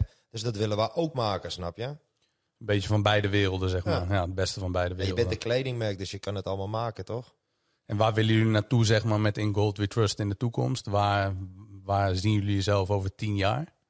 Ik denk dat we met In Gold We Trust gewoon een hele mooie, goede basis gewoon verder bouwen. Door uh, een steeds groter uh, assortiment met uh, goede basisartikelen te hebben. Gewoon dingen die iedereen altijd wil dragen. En daar gaan we gewoon ontzettend in ontwikkelen. En willen jullie ook nog meer naar het buitenland uitbreiden of juist meer focus op Nederland? Kijk, uh, ja, focus, focussen, focussen. Uiteindelijk wil je altijd dat iedereen in de wereld je artikelen uh, draagt. Dus ja, dan moet je gewoon een goede match uh, zien, te, zien te vinden. Maar het is, het is altijd heel makkelijk dat uh, mensen denken heel makkelijk van, oh, we gaan naar het buitenland. Maar ja, dat is niet zo makkelijk, want ze dragen hele andere kleding in Italië of in Amerika of in, in, in Denemarken dan dat ze in Nederland dragen. Dus, uh, Hier kan jij nog wel even rondrijden, maar in het buitenland is het weer wat lastiger. Wordt ook weet je. En als ze daar een rekening niet betalen... Dan, ja, nee, maar het is ja. gewoon gezeik. Het is gewoon gezeik. ja, weet je, gewoon goede partners vinden. En als je goede partners hebt, dan kan je altijd uitbreiden. En uh, daar zijn we altijd naar op zoek, ja, natuurlijk. Jij bent ook wel veel naar het buitenland geweest met je broertje. En met In Gold We Trust. Wat, hoe was dat, zeg maar, om ja, ook echt naar het buitenland te gaan. Je hebt een bedrijf, je gaat naar het buitenland. Daarmee voel je natuurlijk ook wel. En dat was een periode dat jullie ook met Chris Brown natuurlijk zijn wezen eten volgens mij. We hebben een keertje in Parijs inderdaad, dus zou die uh, onze winkel openen. Zeg maar. We hadden daar een, een pop-up store. En, maar goed, hij had een lange nacht gehad. Dus winkel openen zat er voor hem niet in. Maar ja, zeg maar, toen zei hij van ja, jullie kunnen dan wel naar het hotel komen en dan uh, dan gaan we wat eten en daarna gaan we stappen. Dus dat hebben we gedaan. Toen zijn we daarheen gegaan. Wel drie uur in die koelie beneden zitten wachten of zo. Maar, uh, Daar neem je maar even voor lief, hè? Ja, nee, was, was, even voor lief. was een gekke ervaring. Dus ja, uh, ja door, die, door die negen jaar hebben we heel veel, heel veel leuke, gekke dingen meegemaakt. ja, een avondstappen met Chris Brown is natuurlijk gekkigheid. Dus... Ja. Dat zijn mooie dingen. Dan, dan voel je wel echt dat je bedrijf echt leeft. En niet alleen in Nederland, maar dat is denk ik wel echt iets unieks. Dat je gewoon van ja, die eerste dagen, weet je, als je dan terugdenkt, Hilversum in het appartement en nu... Je belandt gewoon af en toe in hele gekke situaties. Kijk, Chris Brown is natuurlijk, omdat het de grootheid, gewoon een, een, een heel spannend verhaal. Wat eigenlijk, wat ik wel een leuk verhaal vond. Op een gegeven moment, wij hadden zoiets van, moeten naar New York. Weet je, daar gebeurt het allemaal. En uh, je hebt daar uh, kids zitten van Ronnie Fiek, weet je. Dus dat is de winkel waar we echt uh, op moeten gaan, gaan peilen. Dus toen had mijn broertje de eerste keer dat hij een hotel in, in New York boekte, boekte hij hem in Brooklyn. En toen zaten we gewoon in de ghetto, in uh, Bedstuw. Dus dat was ook perfect, weet je wel. Dat je gewoon... Jullie waren enorm opvallende verschijningen. ja, dat, dat, dat je s'avonds denkt van ja, laten we die metro maar even eerder terugnemen. Want ja, ik, weet, ik, weet, niet of we anders nog uh, bij het appartement komen. En de tweede keer, ja, die, die was nog beter. Toen had hij uh, op Times Square had hij een hotel geboekt. Hij zei, Fik, dit kan niet mis zijn. Times Square, het hotel heet ook Times Square. En ik weet, we kwamen aan met die taxi. En ik zat daar zo te kijken. Ik denk, oké, ja, een beetje voor een rare voordeur of zo. En we lopen naar binnen. En er staat echt zo'n vrouw. Met een echt een hele grote vrouw. Met een heel ielig mannetje ernaast. En die staat zo voor ons bij die receptie. En is zegt, ja, kan ik deze kamer uh, een uurtje huren? En zij zegt, uh, ja, geen probleem. Hier heb je kamer 60. En ik kijk eens aan en ik zeg, fuck ouwe. Ik zeg, je hebt ons gewoon in een bang hotel gezet. en ik werd ook gewoon drie dagen ik gewoon s'nachts wakker nog. Want ik, ik weet niet wie er bezig waren, maar uh, ja. Moet je ook meegemaakt hebben. Ja, dus dat, dat zijn maar boek jij nu voortaan de hotels of doet je broertje dat nog steeds? Ja, ik heb hem een paar, uh, paar geboekt, maar het gaat tegenwoordig gaat het beter. Gewoon Airbnb, dus ja. Precies, precies. Ja, mooie dingen. ja, maar dat, dat is met een bedrijf is dat wel het mooiste. Wat zijn de minder mooie dingen, zeg maar, die jullie als bedrijf zijn of misschien als persoon hebben meegemaakt. Hè? We hebben natuurlijk ook een stukje veel de euforie van het bedrijf, de mooie dingen. Maar wat zijn de mindere dingen die je in het bedrijfsleven als persoon hebt meegemaakt? Die jou echt heel diep hebben geraakt? Die mij diep hebben geraakt? Ja, dat zijn, ja weet je, wat, uh, wat je diep raakt is uiteindelijk als, als sommige momenten worden ook heel confronterend. Hè? Weet je, als een bedrijf heel erg groeit, dan is het ook heel moeilijk om soms... Uh, niet naast je schoenen te lopen, weet je. En er zijn wel situaties geweest waar we recht tegenover elkaar hebben moeten staan. En uh, dat raak je gewoon heel diep, weet je. En dat is gewoon uh, soms ook moeilijk, weet je. Bepaalde keuzes zijn, zijn ook moeilijk binnen een bedrijf. En uiteindelijk is het ook een harde zakenwereld dan buiten dat je relatie als broers natuurlijk hebt, is, is het ook een harde zakenwereld. En ja, dat zijn wel dingen die je af en toe wel raken je denkt, fuck, weet je wel, uh, dit is de keerzijde van de medaille. Ja. En hoe ga, hoe ga je daarmee om met kritiek bijvoorbeeld? Hè? Je hebt ook natuurlijk veel mensen van buitenaf. Hoe groter het merk wordt, hoe meer mensen daar een zegje over hebben. Ook ja, mensen dat is moeilijk, hè? Weet je, uh, vaak gewoon, uh, ja, weet je, wat je op school ook hebt, weet je, dat je zo'n stoker hebt en die, die maakt de anderen helemaal gek. Ja, dat heb je, dat heb je nu ook, weet je. Mensen die, ja, die je een beetje gek proberen te maken, maar ja, weet je, uiteindelijk wat ik ook aan het begin zei, weet je, je bent broers, dus je kan een beetje afstand nemen en uiteindelijk kom je weer tot elkaar. En soms heeft het wel even nodig, weet je, het heeft soms wel eens een halfjaartje nodig of wat dan ook. Maar uiteindelijk ga je dan zitten en zeg je, nou ja, weet je, dit was de situatie. Hoe kunnen we er anders mee omgaan of wat dan ook. Uh, dus uh, ja, kijk, omdat we ook met z'n tweeën zo hecht zijn opgegroeid, denk ik dat, dat je uiteindelijk ook weer naar elkaar toe groeit. Ja. Maar wat, wat, mij, wat mij, zeg maar, in dat verhaal lastig lijkt, dus hoe close je ook bent als broers. Stel je broertje of jij, je ontmoet iemand uh, die lekker gaat op het merk en die heeft een verhaal. En, maar als je broertje uh, een avond met diegene heeft beleefd, dat is dan nog niet met jou. Ja. Dus je hebt in één keer te maken met twee mensen die wiens merk gewoon enorm leeft. Dus er wordt aan allerlei kanten getrokken en mensen hebben, willen samenwerkingen of die komen met ja. mooie aanbiedingen. En, en dat lijkt mij moeilijk om dat, weer één te brengen, zeg maar. Ja, dat is ook moeilijk. En dat is, elke dag is dat gewoon een uitdaging. Maar uh, ja, af en toe moet je ook gewoon, uh, gewoon, gewoon dicht bij jezelf kijken. Weet je, waar word ik gelukkig van? Nooit, uh, je moet nooit de hele tijd naar een ander kijken. Altijd gewoon weer even naar jezelf, weet je wel. Van wat, wat is dan belangrijk, toch? En voor mij is die band met mijn broertje is gewoon wel echt belangrijk. die leidend ook, die staat boven alles. Als, die staat boven alles, boven alle materie, alles. Weet je. Ik vind uh, ja, de band met mijn broertje, die staat, uh, die staat wel voorop. Ik vind, ben sowieso gewoon echt een familiemens. Dus uh, ja, ik zou altijd wel mijn best doen om, om die familie gewoon intact te houden. En stel je voor, jouw kids zijn zometeen 18, hè? dat is nog een hele tijd weg. Ja. Wil je misschien gaat, nog sneller dan je denkt hoor. ja. Dat weet jij wel hè? Ja. Er zijn nog geen 18. Maar goed, in ieder geval, ze zijn 18. Wat, wat, zou dan, wat zijn belangrijke lessen die jij ze mee wilt geven? Of wat zijn lessen die jij een 18-jarige of iets in die richting uh, uh, een kijker of een luisteraar wilt meegeven? Wat zou je dan echt uh, een belangrijke les vinden die ze niet mogen missen? Nou ja, kijk, weet je wat ik op dit moment heel erg zie? Ik ben zelf ben ik 36 en ik, kom, ik kom uit een tijd waarin, ja, ik had natuurlijk ook gewoon een gsm. Maar Instagram en dat soort dingen, die, die had je allemaal niet. Dus je werd niet zo kapot gestaard door wat heeft iedereen allemaal om je heen. Weet je, waar het, waar, wat wel een beetje een, een, een draad door, eh, door vanavond is. Is wat je zegt, uh, grote auto's, dure, dure dit, weet je. Tegenwoordig word je helemaal stuk gegooid met dat allemaal. Of het perfecte plaatje voor een vrouw, weet je. Mhm. Uiteindelijk, ja, ik, ik, denk, ik denk dat een goede, een goede les is om gewoon uh, te kijken wat maakt je gelukkig, weet je. En, uh, en geluk is niet iets kopen, hè, want dat is natuurlijk een, een, iets, iets heel korts. Dus als jij een bedrijf wil beginnen, of, of je wil iets beginnen om, om heel rijk te worden, ja, dat is een verkeerde, verkeerde houding. Ik denk dat je gewoon moet denken van waar word ik heel gelukkig van en waar kan ik mensen gelukkig mee maken. En dat, dat, uh, dat je op die manier moet gaan beginnen. Heeft dat jou zeg maar dan ook heb jij dat zo meegemaakt? Heb jij bijvoorbeeld dat als drijfveer gehad? Kijk, ik ben begonnen uh, in de kleding omdat mijn broertje graag uh, die kleding wilde verkopen. En omdat wij elkaar zo goed kennen, vond ik het leuk om dat aan de man te brengen. Omdat ik gewoon perfect kan uitleggen wat, uh, over hoe hij erover nadenkt en op wat voor manier het maakt. Dus daarom ben ik dat gaan verkopen, Jan. Omdat ik dat gewoon echt fantastisch vond om als twee broers uh, in die kleding te gaan en dat ook uit te leggen aan, uh, aan iedereen. Dus, ja. Ah, had je dat ooit voor, met een ander kunnen doen? Nee, zeker niet. En dat denk ik ook. Nee. Lastig, ik, ik, ik, had het heel raar gevonden als ik niet had gezegd, ja, ja, ja, had ik wel maar dat had, ja, ja. had, ik ook niet gedaan. Dan had ik gewoon in de keuken Nee, precies. Ja. precies. Nee, maar ik denk dat dat is denk ik gewoon, gewoon de boventoon. Denk Omdat als, je, als, als jij na succes of geen succes, weet je, in, in het geval van, van, van Victor dan succes, um, nog steeds kan zeggen, het gaat mij om de band met mijn broer en nu, uh, zijn broertje heeft een gezin, hij heeft, uh, hij heeft kinderen.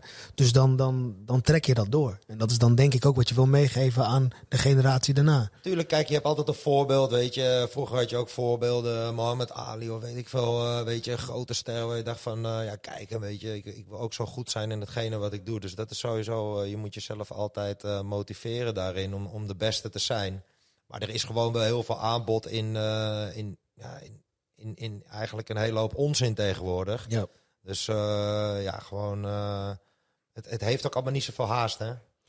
Dat is het ook. Ik denk dat het snelle leven met veel geld, auto's, mooi huis, dat die druk die is steeds groter. Hè? Die is gigantisch. Luister, wij, uh, ik, ik heb tot mijn 27e wilde ik, heb ik gewoon altijd in de keuken gestaan en dacht ik, dit, dit gaat het voor mij zijn.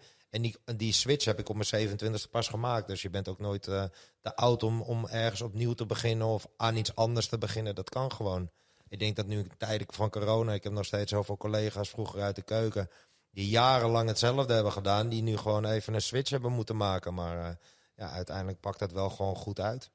Je moet niet te veel vasthouden aan iets wat dan misschien op dat moment niet uitvoerbaar is. Want dat is denk ik ook nu in sommige gevallen ook. Ja, die horeca die die gaat gewoon helemaal kapot. En dan kun je wel thuisbezorgd doen. Maar voor sommige mensen is het nu gewoon op dit moment geen werk.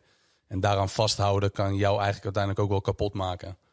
Ja, het is, het is misschien Kijk, als je, als je geen werk hebt en, of je hebt geen inkomsten, je hebt een gezin, heb je monden te voeden, dat is natuurlijk een hele een andere situatie. Dan, kan je, dan, dan is er stress, dan kan jij niet normaal nadenken.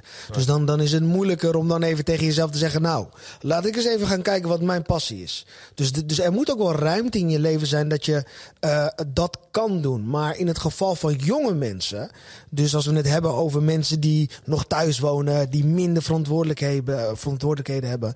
Kijk, als we de tijd waarin we leven en waarin in één keer alles stil kan staan, dan is het wel goed om naar je kern te gaan. Ik denk, ik denk dat dat wel, wel inderdaad voor veel mensen ook het probleem is. Dat mensen eigenlijk alleen uh, gedurfde keuzes durven maken wanneer ze jong zijn. Ik denk juist dat nu in deze periode het uh, voor zou moeten staan, of juist in het teken zou moeten staan.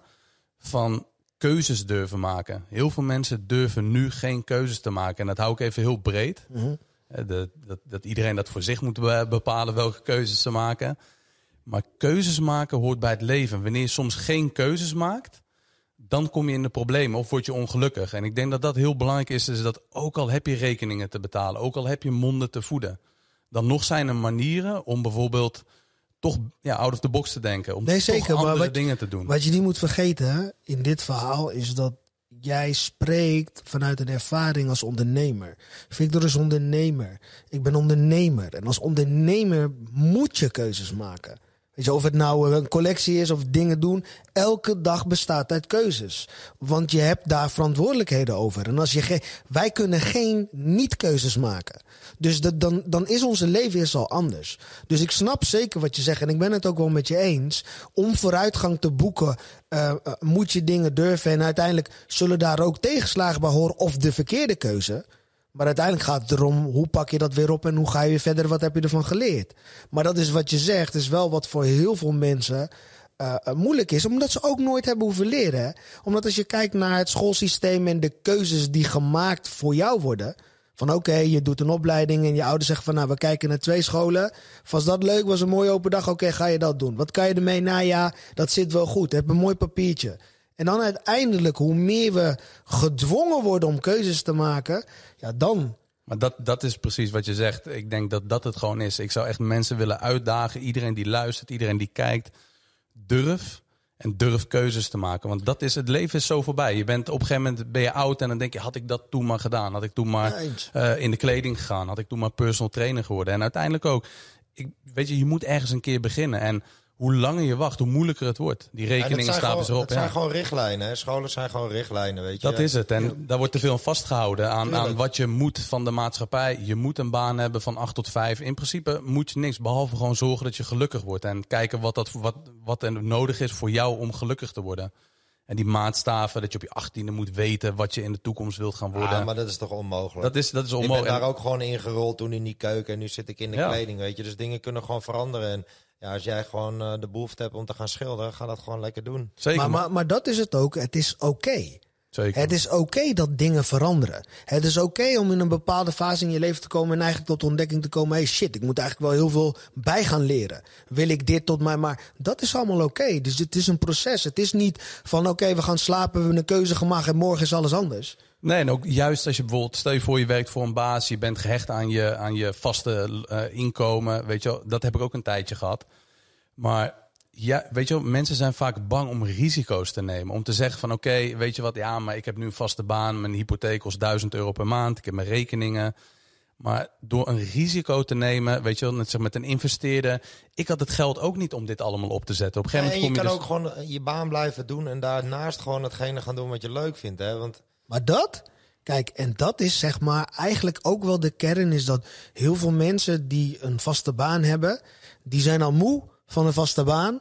Dus die kunnen niet dan zichzelf ertoe zetten om. Maar daar begint het bij. Het zijn de uurtjes die niemand ziet. Tuurlijk. Als je die pakt. En als je daar inderdaad wat anders daarnaast gaat doen, dan doe je het nog steeds van: oké, ik heb mijn contract, mijn de vaste lasten worden betaald, maar daarnaast ben ik mezelf aan het prikkelen om verder te gaan.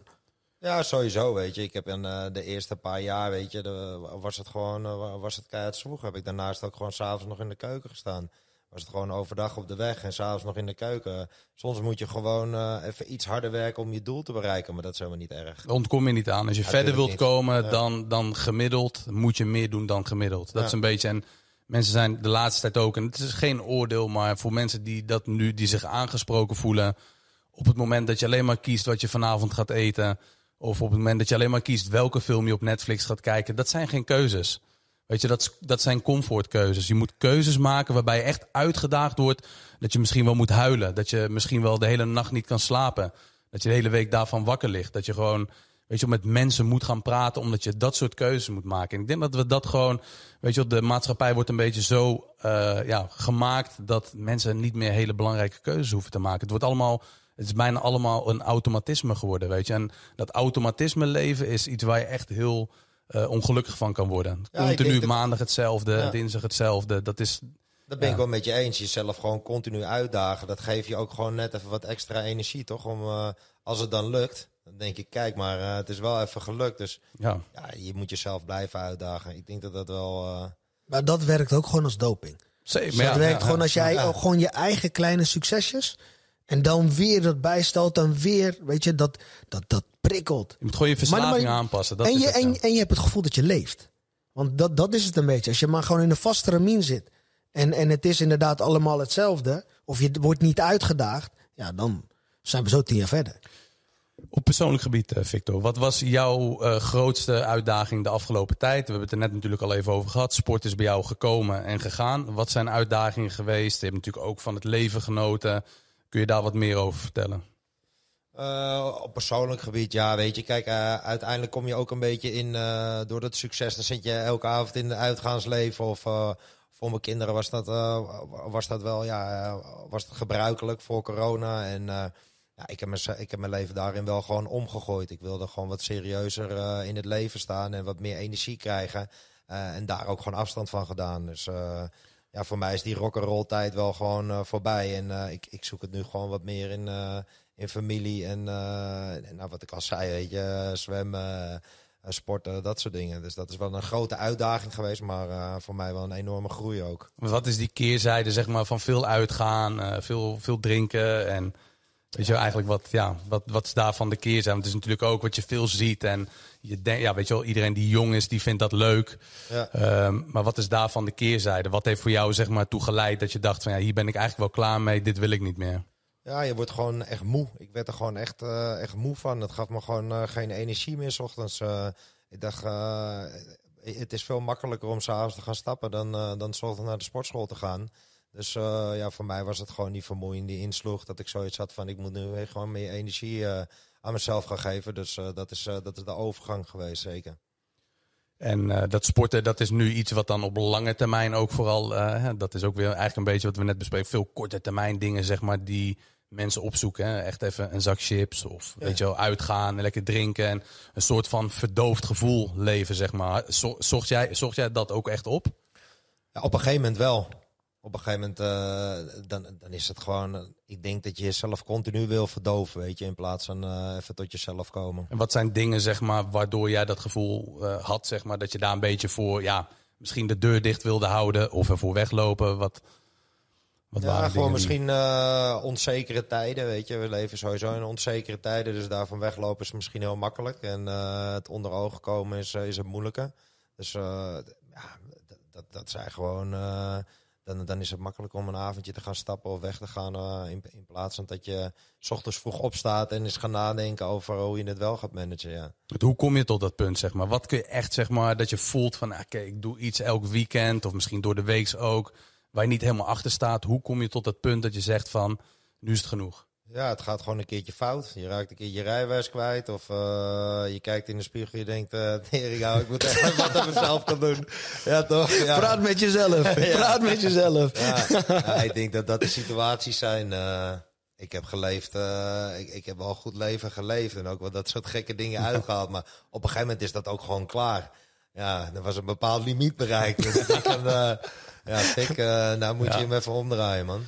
Ja, maar dat is denk ik ook wel je gevoel dus volgen. Hè? Er komt dus ook weer dat gevoel waarbij het comfortabel is om hetzelfde te blijven doen. Ja. En dan heb je weer dat omslagpunt wat komt waarbij je zegt van oké, ik voel van binnen aan elke vezel uh, en misschien was het ook wel als ik ergens binnenkwam, zei ze, uh, daar heb je Fik, die is echt gek, weet je wel. Ja, ja, dacht ik van ja. Ik, ja, moest je dat dan ook steeds gewoon uh, naleven? Dat... Nee, juist niet. Ik irriteerde me eraan, weet je. Ik denk van ja, weet je, tuurlijk.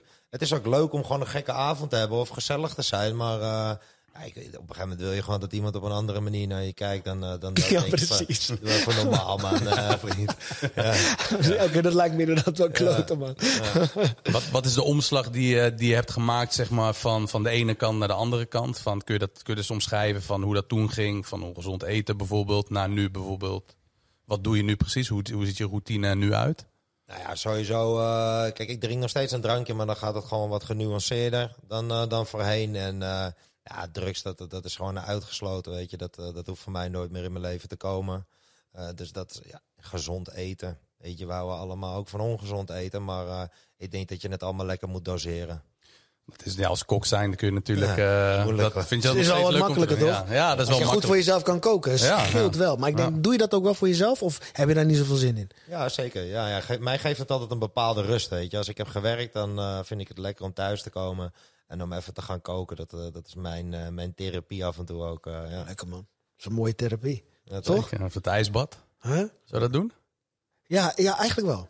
Ik heb er ook wel over nagedacht. Ook gewoon met collega's en alles. Die dan inderdaad tegen mij zeiden van... Ja, dat is ook echt iets voor jou. Om ook beginnen met koud douchen alleen maar. Dus als ik een ijsbad eh regel voor ons drieën, dan duiken we erin. Ja man. Ja. Als jij een ijsbad regelt, ja. ja, ja, zeker. Want ik ben benieuwd, nadat eh, Victor dat zei van dat stress, ik ben benieuwd of, ik, of wat ik ga ervaren. Van hoe gaat mijn lichaam en hoe gaat mijn geest ermee om? Van mezelf heb ik het idee dat ik niet heel veel stress heb. Maar misschien dat ik dan in één keer denk, ja, maar ik ben... een- Maar ik, ik, ik- ja, de, de extreme, ja man. Maar heb, Als je, heb, je, dat- heb je te weinig stress? Zoek je dat te weinig op dan? Of heb jij dat gewoon Nee, maar ik ben, ik, ben, ik, ik, ik ben heel comfortabel in wie ik ben.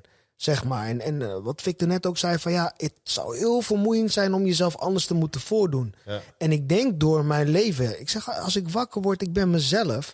Waardoor de stress is er niet, omdat ik dingen kan overzien. Eh, het enige nadeel daarvan is, is dat ik wel tegen mezelf heb gezegd: ik moet wel proberen om meer te gaan voelen. Dus ook, weet je, in bepaalde zinnen, als je altijd wel de situatie overziet, dan, dan ga je daarin niet altijd de emotie toelaten. Dus dat, dat is denk ik iets, weet je, waar ik voor mezelf weer de balans. En ik denk van als ik iets ga doen waar ik geen controle over heb, als ik in een ijsbad duik en ik kan nu bijvoorbeeld niet zeggen van hé, hey, dit is wat er gaat gebeuren met mij. Dat vind ik wel weer tof. Dus ik vind dat wel weer tof dat ik op een leeftijd ben dat ik zo zeg van ja, let's go. Mooie uitdaging. Ja, omdat weet je wat het is? Kijk, je hebt heel veel mensen, ook in de omgeving, die bij voorbaat uitspreken: dat zal ik nooit doen. Maar ik ben op een leeftijd dat ik denk: ik ga niet zeggen dat ik iets nooit zal doen. Ik kan er misschien over dingen wat ik vroeger nooit zou doen, dat ik nu nadenk van nou, laat ik dat eens gewoon eens gaan proberen. Dus ik heb bij dit zo heb ik zoiets van ja, als dan de, de mogelijkheid er komt, dan gaan we. Ik ga een ijsbad boeken voor ons drie. Top. Ik Gaan we kijk- even wel een goede push-up ja, blijven doen. ja. We kijken heel veel, eh, met heel veel tegenzin naar uit. Dat is, eh, maar dat is ook goed. Kijk, soms heb je zoiets van: oké, het doel erachter moet wel ergens een beetje zijn. En ik weet ook wel dat koud douchen bevordert je immuunsysteem. Ehm, maar goed, ik denk als je op veel vlakken al daarmee bezig bent, is dat niet per se iets wat ik er dan nog bij zou willen doen. Stel je voor, ik zou roken, veel drinken of andere Maar het dingen. ervaren. Dat is- Laten we het dat gewoon hebben het. over Een het nieuwe ervaren. ervaring is altijd Om- goed. Want dat is een, denk ik wel een beetje jouw persoon eigen. Is dat je dingen dan op. Je denkt over allemaal andere dingen. Nou, maar we hebben het over.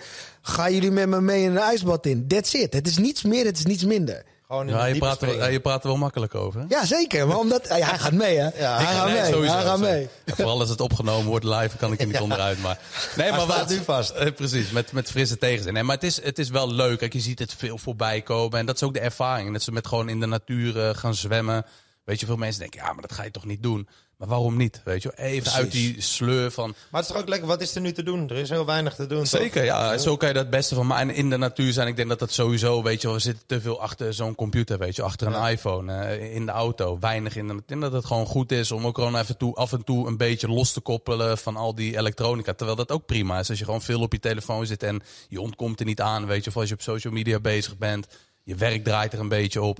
Maar ook om dan toch daar wat tegenover te zetten, is denk ik alleen maar goed. Ik denk dat je gewoon daarin gewoon eh, een 50-50 moet krijgen, toch? Eh, Goede balans, ja. Ja, natuurlijk. Een goede Ja. balans erin. Ja. Zeker. Het brengt veel, weet je, social media, maar af en toe dan maakt het ook veel kapot. Dus eh, Ik denk dat dat een hele, hele mooie is eh, om. eh, ja, de- Je moet het ook allemaal niet te serieus nemen. dat sowieso. Nee, dat, dat dat, is het- denk dat ik gewoon, weet je.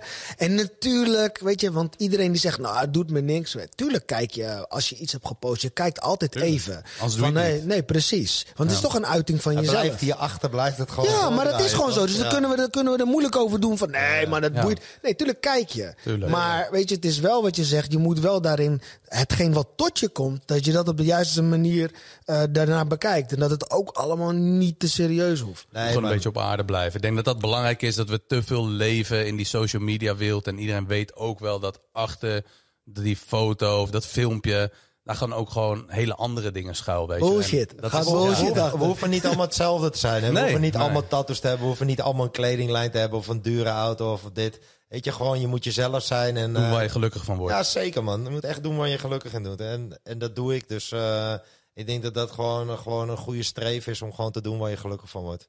Ik denk dat dat ook een eh, mooi is om eh, ja, weer de vierde aflevering eh, mee af te sluiten. En ik denk dat het ook weer een mooi, eh, mooi, mooi puur gesprek was. Voornamelijk over het ondernemen, maar ook zeker over het sporten, eh, over het leven. Belangrijke dingen. Ehm, Victor, ik vond het echt top eh, dat je in de studio was. Eh, dat ijsbad gaat er eh, hoe dan ook komen. Ik weet niet of Nee, eh, nee, we de nee, cameramensen, zeker. Nee, nee, gaan nee, meenemen. zeker, Maar, nee. nee, maar dat is wel leuk. om Ik dat ga er wel vanuit, hè. Ik ga er wel vanuit dat we dat Ja, gaan maar dat, doen, dat ja. gaan we gewoon doen. Dat gaan we gewoon doen. En eh, we nemen Milan en Anouk ook gewoon mee. Dan kunnen ze dat ook mooi eh, vastleggen hoe Ik wij die van de week gelijk datums door. Nee, Ja, nee, Prima, maar prima. ook vooral doen, hè? Ja, ook vooral zeker. doen. Dus ook voor de kijkers, dit gaan we gewoon doen. in een Precies. ijsbad. Nee, maar dat is eh, nogmaals ook eh, super bedankt. Eh, ik heb je natuurlijk al vaak gesproken. En het was leuk om even zo de diepte met elkaar in te gaan tijdens deze setting. En jou, ja, we, we hebben kunnen presenteren naar ons toe in ieder geval. Naar de kijkers, luisteraars.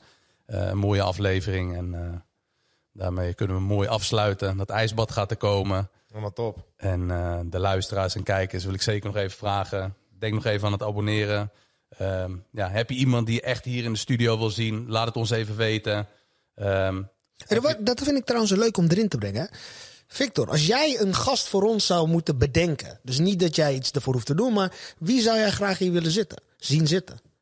Ik zou Ali uitnodigen. Ali is een fotograaf en eh, een hele inspirerende man geweest. Ook wel in ons bedrijf.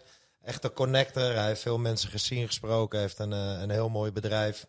Inmiddels samen met zijn vriendin. En eh, ik denk dat, eh, dat Ali Mousavi een, eh, een mooie klant voor jullie of een, eh, een mooie kandidaat zou zijn. dus op. Instagram, Ali was there. Ja, Ali was there. En hij maakt foto's. En Ja, die man doet zoveel. Dat, eh, ik doe veel in mijn leven. maar Deze man die overtopt dat gewoon nog even. ja, zeker een interessante. Nou, gaan we even checken. Ja. Nogmaals, dankjewel. Jij Delano ook weer bedankt. Was weer een eh, Was een goeie, mooie, jongen. mooie aflevering. En eh, tot de volgende. Bedankt boys. Yo.